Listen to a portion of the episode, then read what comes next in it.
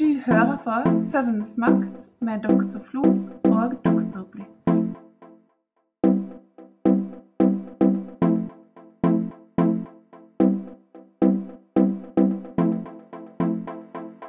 Godt nyttår, kjære Elisabeth.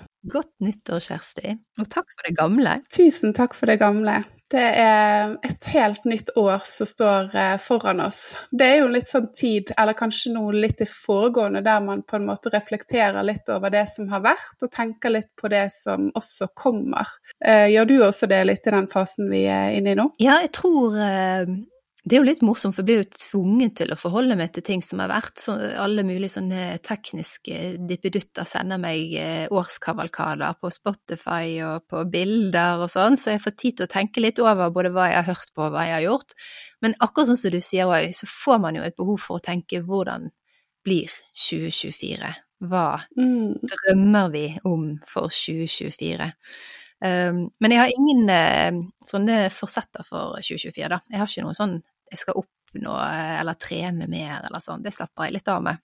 Ja, jeg har heller Jeg har aldri hatt nyttårsforsetter, Nei. tror jeg. Ikke sånn som jeg kan huske. Jeg vet ikke helt om jeg har tro på det. Har du liksom tro på dette med nyttårsforsetter, eller binde ulike mål opp til det at det er et nytt år? Det er veldig flott hvis folk klarer å få til endring med å, å, å, få en sånn litt sånn dramatisk sånn bang-start på noe. Mm. Eh, men så skjer jo ofte endring når man er klar for det, da, og ikke nødvendigvis eh, når klokken bikker 12. 31. desember. Det er så godt poeng. At det egentlig er på en måte Du kjenner sjøl at nå er jeg klar for en, eh, en atferdsendring. Nå er jeg klar for å begynne å trene, eller nå er jeg klar for å gjøre endringer i kostholdet mitt på en eller annen bestemt måte. Ja. Og da tar du på en måte den eh, uavhengig av hva dato det er. Nettopp. Jeg sluttet å røyke midt på året, eh, altså dette er mange, mange år siden. Men da var det bare jeg eh, fant ut nå slutter jeg. Mm. Bang. Og så gjorde jeg det. Eh, og kastet eh, røykbakken. Og det Jeg tror ikke egentlig nødvendigvis å vente til 31. Eh, desember hadde hadde gjort saken bedre. Jeg tror det var veldig bra å bare gjøre det når motivasjonen kom, for å si det sånn. Ja. Så heller ikke vent, bare gjør det, tenker jeg. Jeg hadde tilsvarende opplevelse som deg med røyking. Jeg også bestemte meg bare nå er det nok. Mm. Og da hadde nok jeg båret med meg den følelsen Lenge, over lengre tid og ja. bearbeidet det. Og så husker jeg bare tenkte hva er dette her for noen ting? Ja. Det er bare helt latterlig. Ja. Nå er det ferdig med det. Og da gikk det faktisk overraskende greit. Mm. Så da var jeg heldig.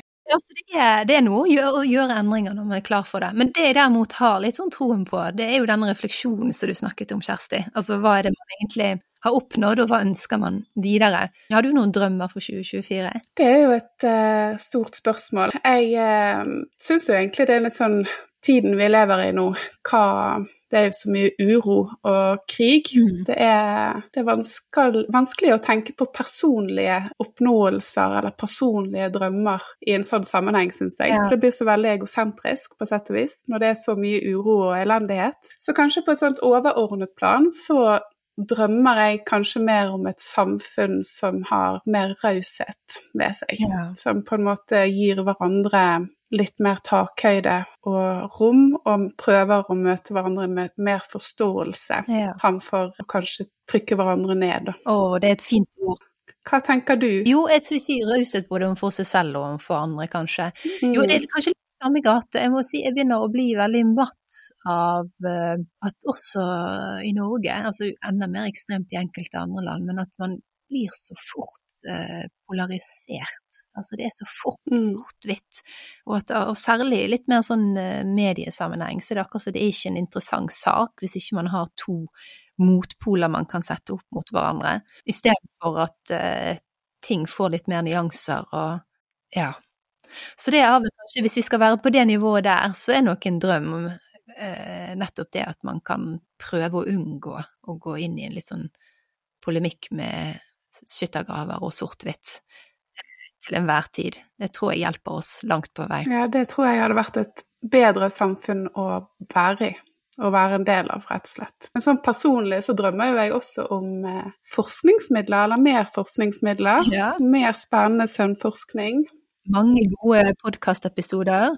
Ja, absolutt. Nå avsluttet jeg året med å få sånn revise and resubmit på to artikler, som jeg da ser kommer til å gå seg til å gå inn, og da får man alltid en liten sånn god følelse på vei inn i det nye året, for da vet man liksom at de lander ganske snart, og da er det alltid litt sånn kjekt eh, får man en god, god, følelse rundt det. Vet du hva, det der, Nå kom jeg på noe jeg drømmer om, som er sånn personlig. Og vet du hva, jeg tror man må tillate seg det òg. Altså, vi kan bli litt overveldet av alle disse tingene som skjer rundt oss i verden som virker helt sånn håpløse. Og da tror jeg kanskje vi trenger mer enn noen gang å, å, å, å drømme de små, likevel viktige drømmene våre òg, og tenke at det må vi ha lov til. Mm. Og jeg kjenner jo også egentlig når ting er litt sånn sort, altså, så, så er det sånn å ha en ferie å se frem til blir plutselig litt viktig, kanskje. Altså. Men jeg drømmer faktisk om å få tid til å skrive mer. For nå har jeg vært i en periode hvor vi har masse, masse forskningsprosjekter som skal settes i gang, og da er man liksom eh, på et helt annet sted. Da skal man eh, få praktiske ting og labber som skal fungere, og personer som skal rekrutteres. Men jeg har lyst til å få litt tid til å skrive ut forskningsresultater òg i år. Så det er litt sånn som du sier, få, få litt artikler ut, altså. Det, det, har jeg lyst til. Forskningsmidler. Det har jeg også lyst til, sant. Altså det er jo en eh, Som forsker så er det en veldig fin følelse. Og så er det også en utrolig langtekkelig prosess som jeg tror egentlig de færreste er kjent med hvor lang tid En liten artikkel. Det å få én artikkel, ja, sant. Det kan jo ta år og dag. Ja, det er det bygger stort sett på forskningsprosjekter som man først har søkt midler til, og så har man samlet inn data, og så skal man få forstå alle disse dataene man har samlet inn. Og så, ja, nei, det er, det er mye jobb, men desto gøyere er det når man endelig Så gratulerer to artikler, Kjersti, det er jo kjempeflott. Det er kjempebra. Det er en god start. Ja, så både store og små drømmer. Men det, det som også er litt interessant, det er jo ofte når man er i, i sånne endringsprosesser eller ting som skjer rundt oss som er litt sånn dramatisk, så er det jo ikke bare drømmene på dagtid som på, blir påvirket, gjerne. Man kan jo også kanskje oppleve at uh, man eh, har uh, andre drømmer om natten også. Jeg vet ikke, har du opplevd det, Kjersti? Jeg kan absolutt uh, si det at ulike faktorer som er på en måte enten er stressende eller, uh, eller gode, for den del, har jeg tatt mm. med meg inn i drømmene ja. på natten. Og jeg kan huske de dagen etterpå og sette de mer inn i en sammenheng i forhold til det som jeg står i. Ja. Uh, uten at det nødvendigvis uh, på en måte gir noe sånn entydig svar, eller, men det er på en måte ofte litt sånn humoristisk nesten, gir et bilde av noe som jeg uh, jobber med mentalt. Ja, det der er utrolig, og noen ganger, så du sier humoristisk, noen ganger så er jo drømmene nettopp det, at det gir nesten litt sånn light-hearted, altså lett, men også fordøyelig forståelse av situasjonen man er i. Jeg syns jo personlig ofte når jeg er sånn endringsgreie, så drømmer jeg ofte at jeg er på flyplassen. Enten så skal jeg nå et fly og stresser med det, eller så sitter jeg og venter, eller jeg Ja, så det, jeg har tilbrakt en del timer på flyplassen i drømme, faktisk. Jeg syns ja. det Men det er, jo, det er jo morsomt, for der syns jeg jo symbolikken er ganske tydelig, sant. Altså det er en reise Veldig tydelig. Ja, og det er så det er jo morsomt. Og så er det jo andre drømmer som gir mye mindre mening, og som bare er litt sånn kaotisk. Og det er jo ofte de man gjerne ikke husker så godt. Man husker vel gjerne best de drømmene som har gitt mening, da. Det er sant. Men er du sånn som har jobbet med dine egne drømmer, eller skrevet ned eh, drømmene dine? Nei. Nei. altså, man har gjerne sett for seg at eh, som psykologer har et særlig interesse for drømmetydning og innhold, men mm. jeg har nok ikke gjort det. Jeg kjenner jo en del som gjør det, og jeg tror nok for noen kan det være en veldig meningsfull måte å bli litt kjent med seg selv på. Mm. Gjerne. Eh, men jeg har ikke følt et behov for det. Jeg husker drømmer ofte når jeg må, og de husker jeg hvis jeg trenger å huske de. Men så jeg syns jo en veldig interessant eh, symbolsk drøm, det var en eh, overarbeidet, og dette er ikke meg selv, da, men jeg skal ikke si hvem det er, en overarbeidet eh, hjemmeværende mamma som drømte at det var en gigantisk gorilla i forhagen som gjorde det umulig å komme seg ut fra hus og hage. Så man var nødt til å, å liksom lure denne gorillaen bak huset og stå liksom og gjøre sånne ablegøyer, bare for å klare å komme seg ut og vekk fra ungene for å handle eller gjøre noe. Så, så den der følelsen av å være fanget, da. Ja. Sort gorilla. kan jo også være ganske sånn symbolsk. Så det, jeg tenker ofte, Man husker gjerne disse drømmene som virkelig gir et sånt eh, innblikk i at her, nå er jeg i en periode i livet der dette, dette er viktig for meg, eller dette kan være et problem for meg, eller ja. ja. Det er et veldig godt bilde det du beskriver der, for det er nettopp litt den humoristiske, ja, på en måte litt sånn absurde forestillingen. Og så når du setter det inn i konteksten du står i, så skjønner du at ja, her er det noe som foregår, her er det en følelse dette reflekterer. Men det som er med drømmer, sant? det er utrolig vanskelig å studere det vitenskapelig. Det er det. Fordi at eh, hvordan skal vi gå fram for å få innsikt i hva som skjer når vi er under søvn og ikke ved vår normale bevissthet. Vi er jo avhengig av at den personen som husker, faktisk husker riktig. For i det sekundet du har våknet, så har jo du med deg eh, en annen erfaringsgrunnlag og, og, gjerne andre tanker, og kanskje også noen filter der man rapporterer drømmen. Så det er det som er så krevende, for hvis du vekker, så må du også vite at du faktisk rapporterer det som har skjedd, og det kan du på en måte ikke verifisere mm. på noe god måte. Og den som er sover, den sover jo, sant? så han kan ikke gi noe respons i utgangspunktet. Nei. Så hvordan ser man inn i hjernen til en som drømmer, Kjersti? hvordan gjør man det? Og det er jo noen metoder, bl.a. MR har jo blitt brukt en god del for å nettopp se på ja. på hjerneaktivitet og hvor det lyser på en måte da, i hjernen i forhold til ulike tanker og hvordan drømmene utarter seg. Så det kan gi eh, Men det gir likevel ikke altså det gir jo likevel ikke en sånn klart bilde. altså Det er ikke sånn at man kan få en sånn Jeg husker jeg var liten, så drømte jeg alltid om en mulighet til å få nesten sånn ta opp på video det jeg drømte, og så se det etterpå. At det hadde vært, uh, vært bra. Det hadde jo vært fantastisk. Ja. Og nå er jo det sånn at vi drømmer jo ca. to timer i løpet av eh, en eh, søvnperiode. Ja, noe sånt. Jeg tror det er omtrent to timer. Og så drømmer vi jo i alle faser, både i non-rem-søvn og i rem-søvn. Ja. Men rem-søvn drømmer vi mest i. Ja.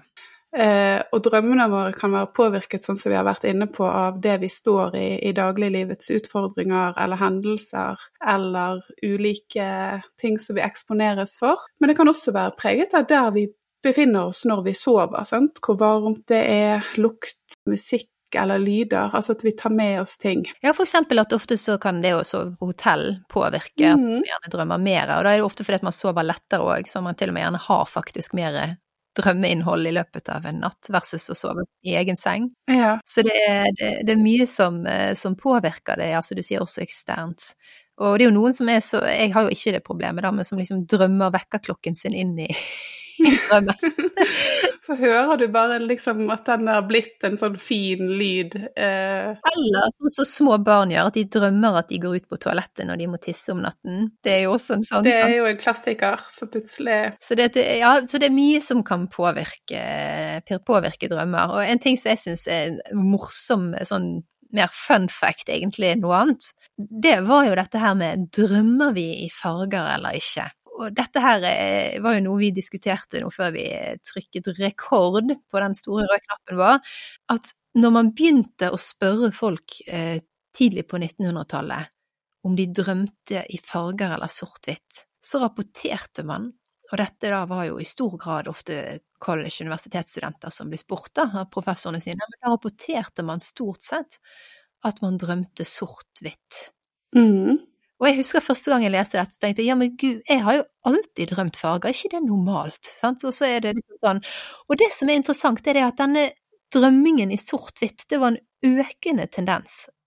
Altså det var flere, mer og mer vanlig å drømme i sort-hvitt, fram til da cirka 50-60-tallet. Ja. Da snudde det. Da snudde det. Og hva skjedde parallelt, som er naturlig på en måte faktor, så du kan tenke påvirker dette forholdet? Det er jo det som er så flott. Nå spør du ledende, for jeg ser på hele deg, Kjersti, at du vet svaret så godt. Men det er fordi at, eh, og det tror jeg nok mange som hører på kan se for seg, dette var jo da når sort-hvitt, først sort-hvitt kino, og så sort-hvitt TV oppsto. Og disse studentene var vel kanskje de som var mest sannsynlig til å være både fascinert og gå og oppsøke da sort-hvitt film når det var eh, mulig å gjøre, og så etter hvert også se på TV. Så i økende grad av eh, sort-hvitt medium rundt den, så så man da også en økning i sort-hvitt drømmer.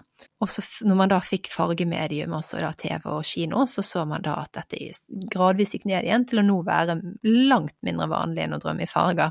Ja. Det, I forhold til hvordan da disse eksterne tingene påvirker oss, så syns jeg jo det er superfascinerende. ja, det syns jeg. Kjempefascinerende. Men selvfølgelig så kan man jo også tenke seg at fordi at man var så påvirket av sort-hvitt-bilder, så var det også rapporteringen som var påvirket, ikke nødvendigvis bare drømmene. Så hvordan dette sånn, Det er jo litt vanskelig å til syvende og sist vite, men, men at i hvert fall da hvordan vi drømmer og hvordan vi husker drømmer, kan være da så tydelig påvirket av det som skjer rundt oss. Det syns jeg er veldig fascinerende. Men så tenkte jeg litt mer på, for da vet vi jo egentlig litt om eh, hvordan vi drømmer, sant? Og vi vet hva vi drømmer om til en viss grad, for vi kan beskrive det i hvert fall i våken tilstand. Men vi vet veldig lite om hvorfor vi drømmer. Hva tenker du, eh, Elisabeth, om dette med hva er det, hva tanker har du rundt drømmene sin funksjon? Og da er det jo flere ting. altså det, Hvis man går mer på sånn hva er rem-søvn sin funksjon, og hva er non-rem-søvn sin funksjon, så er vi jo ofte med en gang i, borti dette med f.eks. dette med minnekonsolidering og hukommelse. Mm -hmm. um, det er også interessant å se at uh,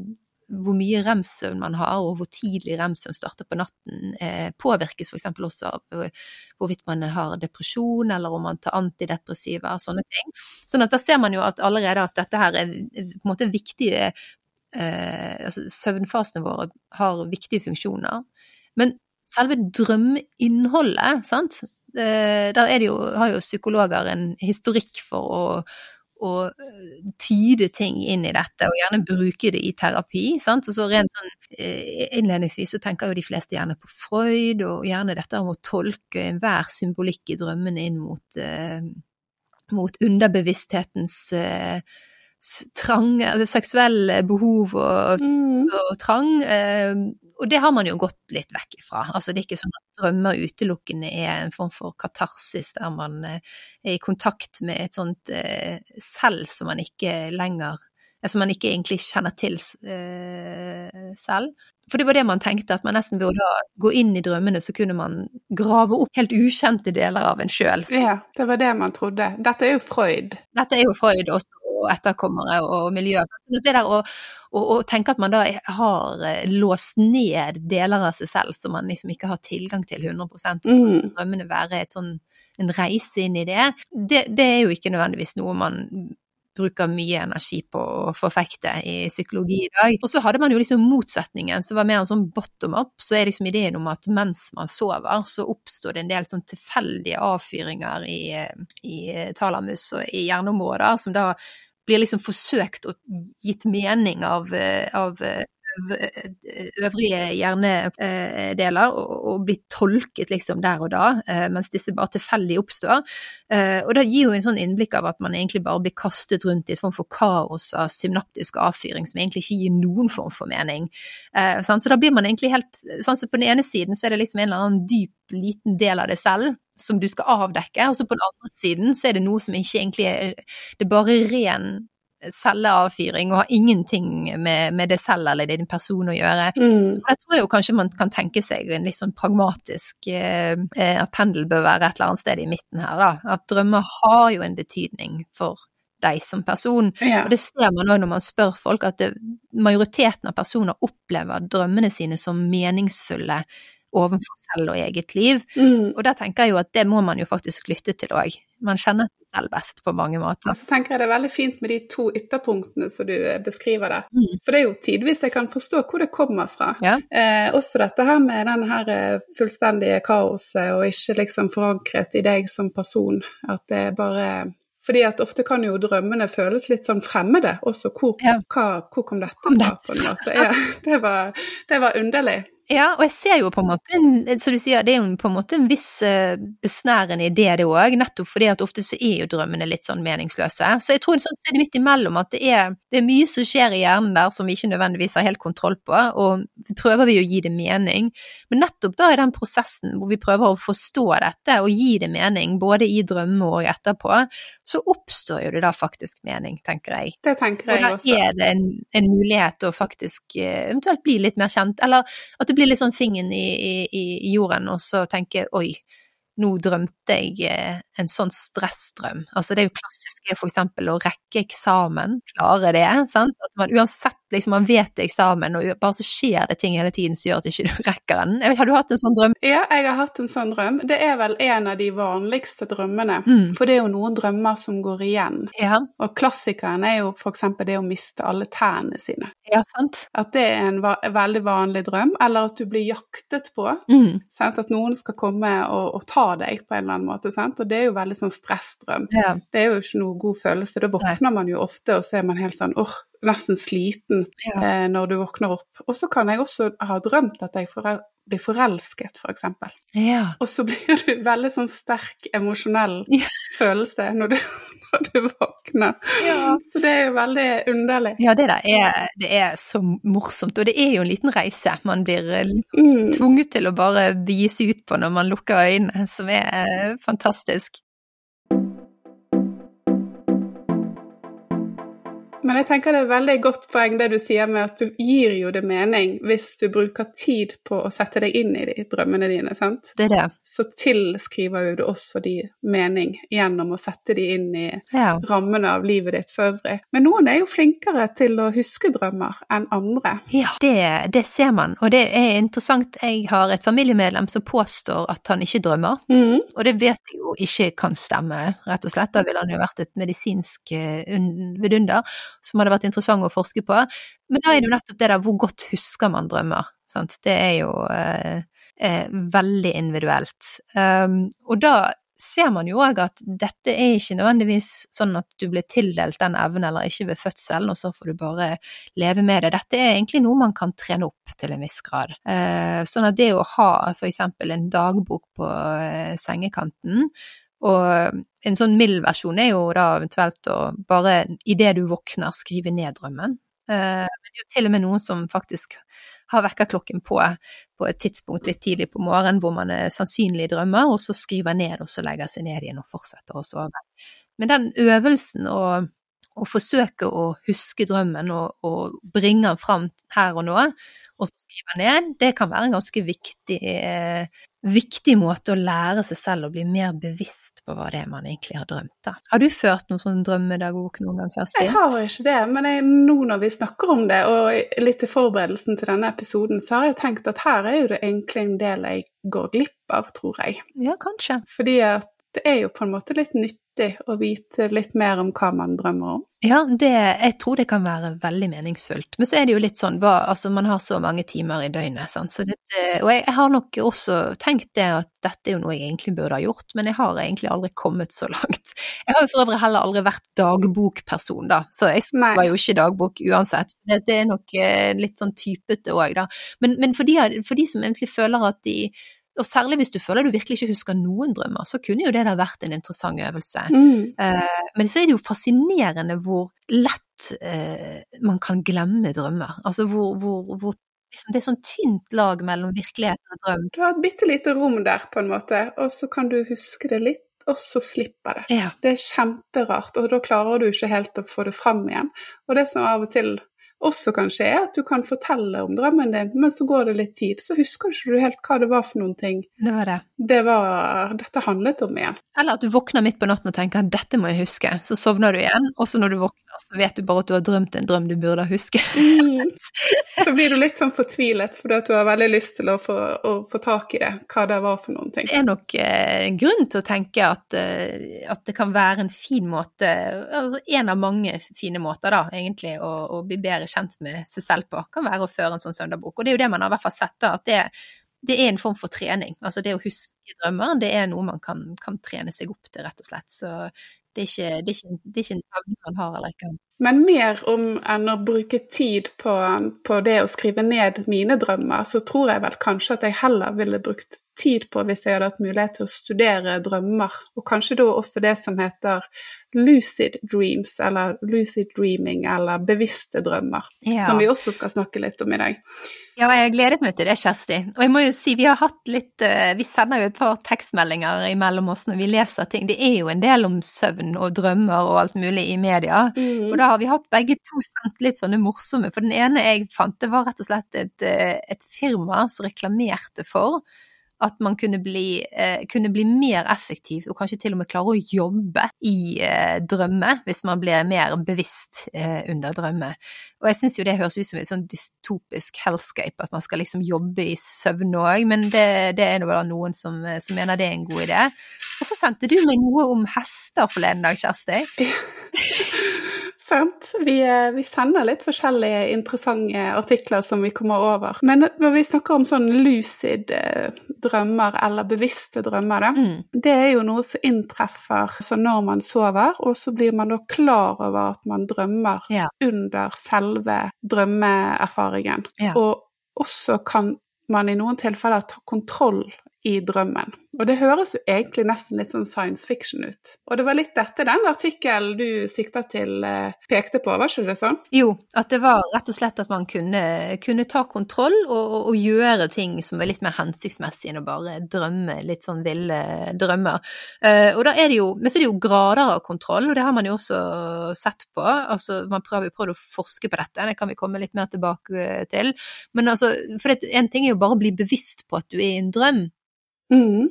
Det, er litt, det er litt vanligere. Men så kan jo du komme til den at du styrer drømmeinnholdet. Og til slutt så er det også dette her at du blir bevisst, jeg ser for meg litt sånn The Matrix, litt sånn Neo, at du blir bevisst at å, siden jeg drømmer, så er det ingen nødvendigvis verken fysiske eller uh, etiske eller normer som, som, gjelder. Jeg kan gjøre Jeg er Gud i min egen drøm. type.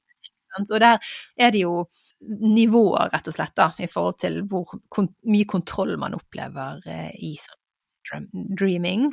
Men altså, hvordan i all verden skal man kunne forske på dette her da, Kjersti? Altså, jeg tror eh, selve begrepet med sånne bevisste drømmer, det stammer vel tilbake til tidlig 1900-tallet, at man mm. hadde noen tilfeller av dette. Så var det veldig omdiskutert om det i hele tatt var et fenomen som eksisterte, eller om det var tull, rett og slett. Mm. Og så har det blitt gjort noen eh, studier som på en måte verifiserte dette på en veldig sånn finurlig måte, der man eh, hadde noen respondenter, eller personer, da, som hadde et veldig godt Altså kunne dette godt og uttrykte sjøl at de hadde en høy forekomst av bevisste drømmer, mm. og opplevde dette i stor grad. Så tok man disse med seg i, et, eh, i en sånn MR-maskin, og så avtalte man egentlig på forhånd og det er det som er så Det er litt sånn kult. Ja. At disse personene skulle bevege øynene sine i et bestemt mønster når de gikk inn og fikk en bevisst drøm. For det at, som alle sikkert husker, så har vi jo sånn muskelatoni under rem-søvn. Og det er under rem-søvn eh, denne her eh, bevisste drømmene har høyere forekomst. Og det at du har muskelatoni, det betyr jo også at du ikke lenger kan bevege deg. Ja. Men øyebevegelsene dine de fungerer, og de kan du styre. Så når disse personene da lå i den MR-maskinen og fikk en sånn bevisst drøm, så bevegde de øynene på den måten som de allerede da hadde bestemt på forhånd. Ja. Og det gjorde gjentatte respondenter konsekvent, og det har jo da blitt tatt til inntekt for at dette er et fenomen som er på denne, på denne måten. Ja. I tillegg hadde man mer avanserte teknikker der man også kunne se på når eh, personen var våken, så knyttet han eller hun eh, neven, og så så man hvilke hjerneområder som lyste opp når man var i våken tilstand. Og så hadde man også avtalt at de skulle bevege og knytte muskler på bestemte måter når de var i den bevisste drømmen. Ja. Og så kunne man også se dette utspilte seg under observasjon. Og det er jo kjempekult, Kjersti. Da, også, da har de også muskulatoni, så de kan ikke knytte nevene på virkeligheten, men i drømmene, drømmen knytter de nevene, og så ser du det samme hjernedelen de så opp. Så ser du det blir reflektert på den måten som man faktisk hadde da bestemt seg på forhånd. Men hva tenker du om eh, dette med bevisste drømmer, da, Elisabeth? Tenker du at det har en nytte, og tenker du at det er noe som man Er du skeptisk til det, eller har du en eh, Hva er din på en måte idé rundt det? Hva er forekomsten, forresten? Husker du det? Åh, oh, det var mange gode spørsmål. Eh, jeg kan bare begynne med forekomsten først, for dette er nok noe som en del ikke kjenner seg igjen i. Mm. For man vet at det ca. halvparten av oss vil en eller annen gang i løpet av livet oppleve å ha en viss bevissthet om at man er i drømmen, i drømmen. Sant? Og så da er det jo det der med nivået, det betyr ikke nødvendigvis at man blir gud i egen drøm, men at man skjønner at man drømmer mens man drømmer. Mm. Så da er sikkert halvparten. av oss har man funnet som vil oppleve det, og litt over 20% opplever det oftere enn det, altså sånn som én gang i måneden eller, eller, oftere.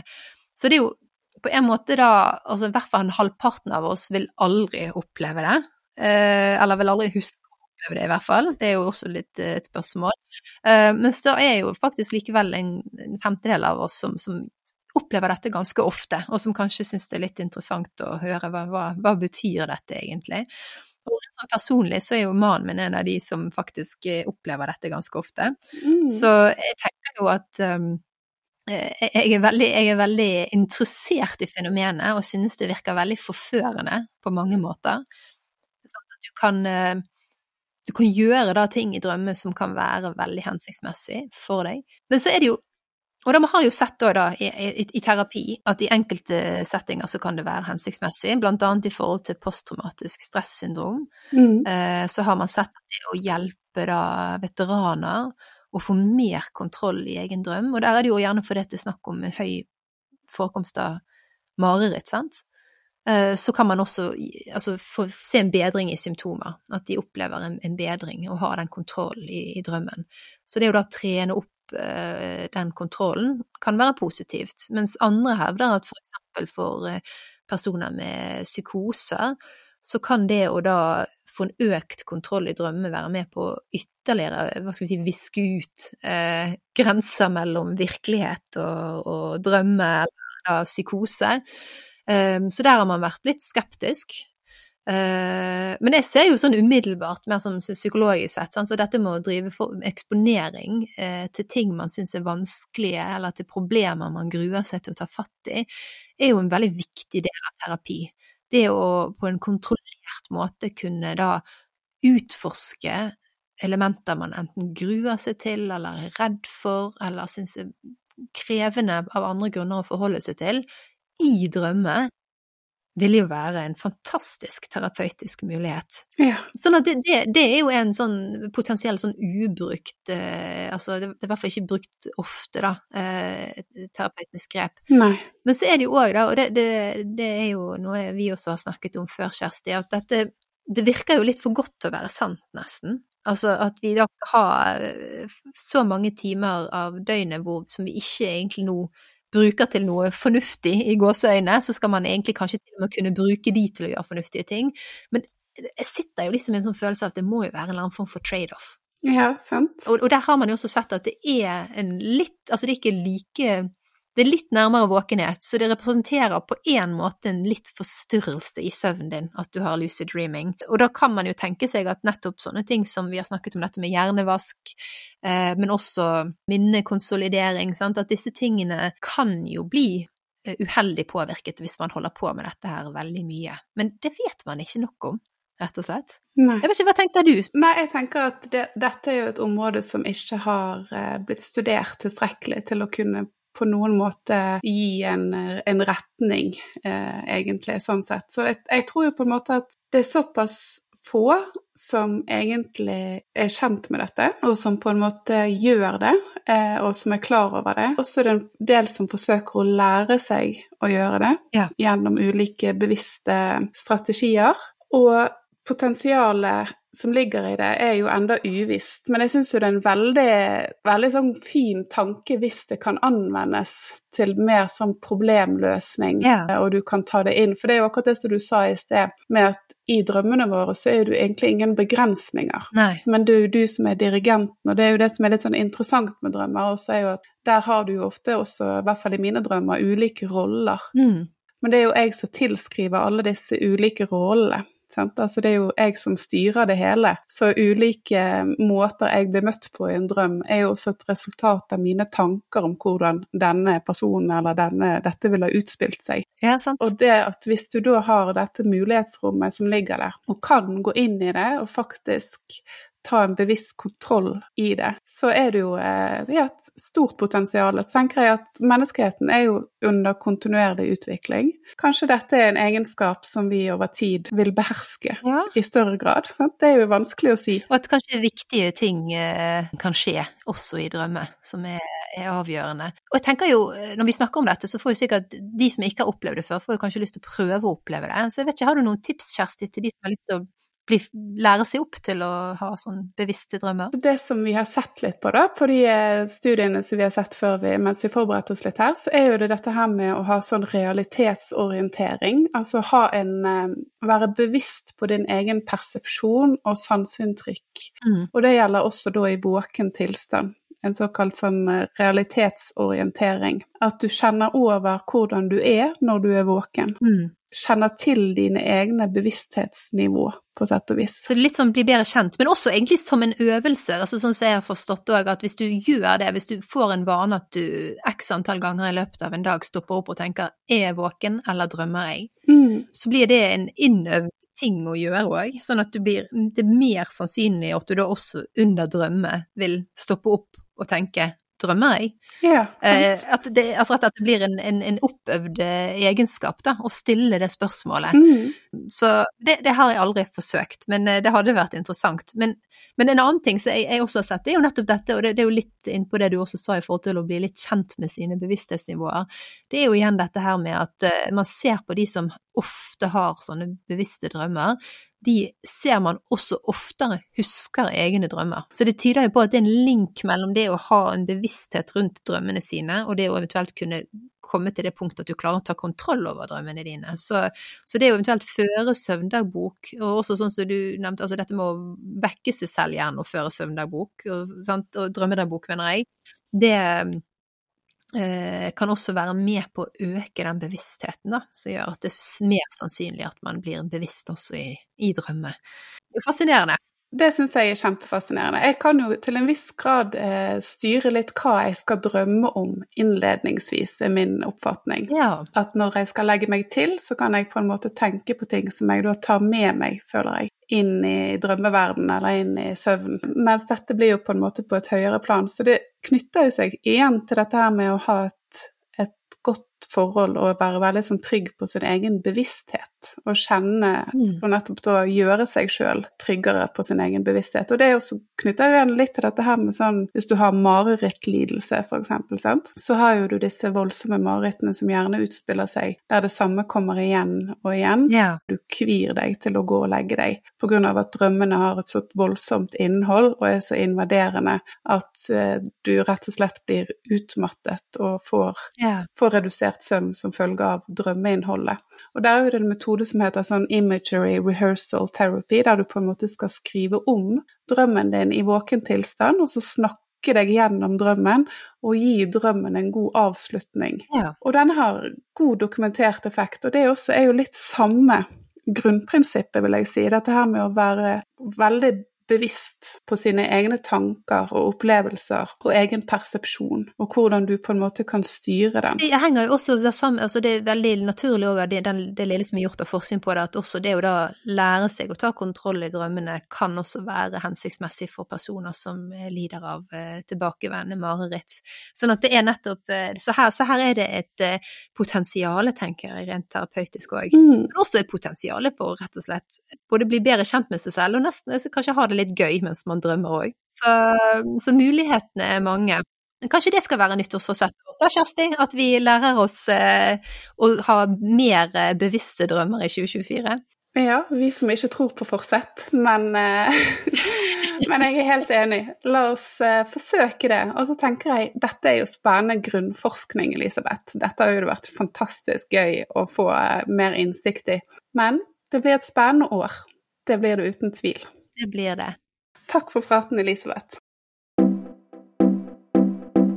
Takk for at du hørte på Søvnsmakt med Dr. Flo og Dr. Blitt.